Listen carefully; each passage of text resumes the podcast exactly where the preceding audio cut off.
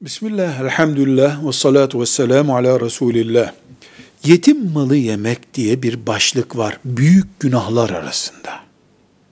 Yetim malı yemek. En büyük günahlardan biri. Ahireti batıran şeylerden biri.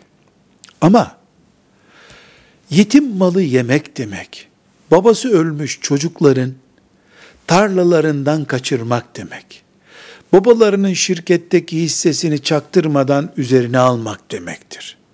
Yoksa bir dayı yetim kalmış yeğenlerinin evine ziyarete gidip o çocukların annesi de ona bir çay yaptığında, bir pasta yaptığında bunlar yetim şeyidir yemeyelim o demek değil o.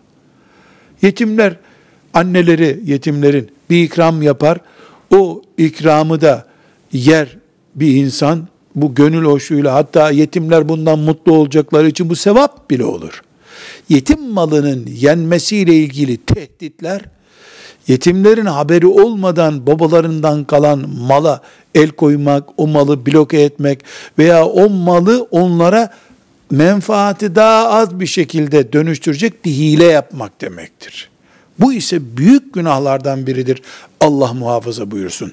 Velhamdülillahi Rabbil Alemin.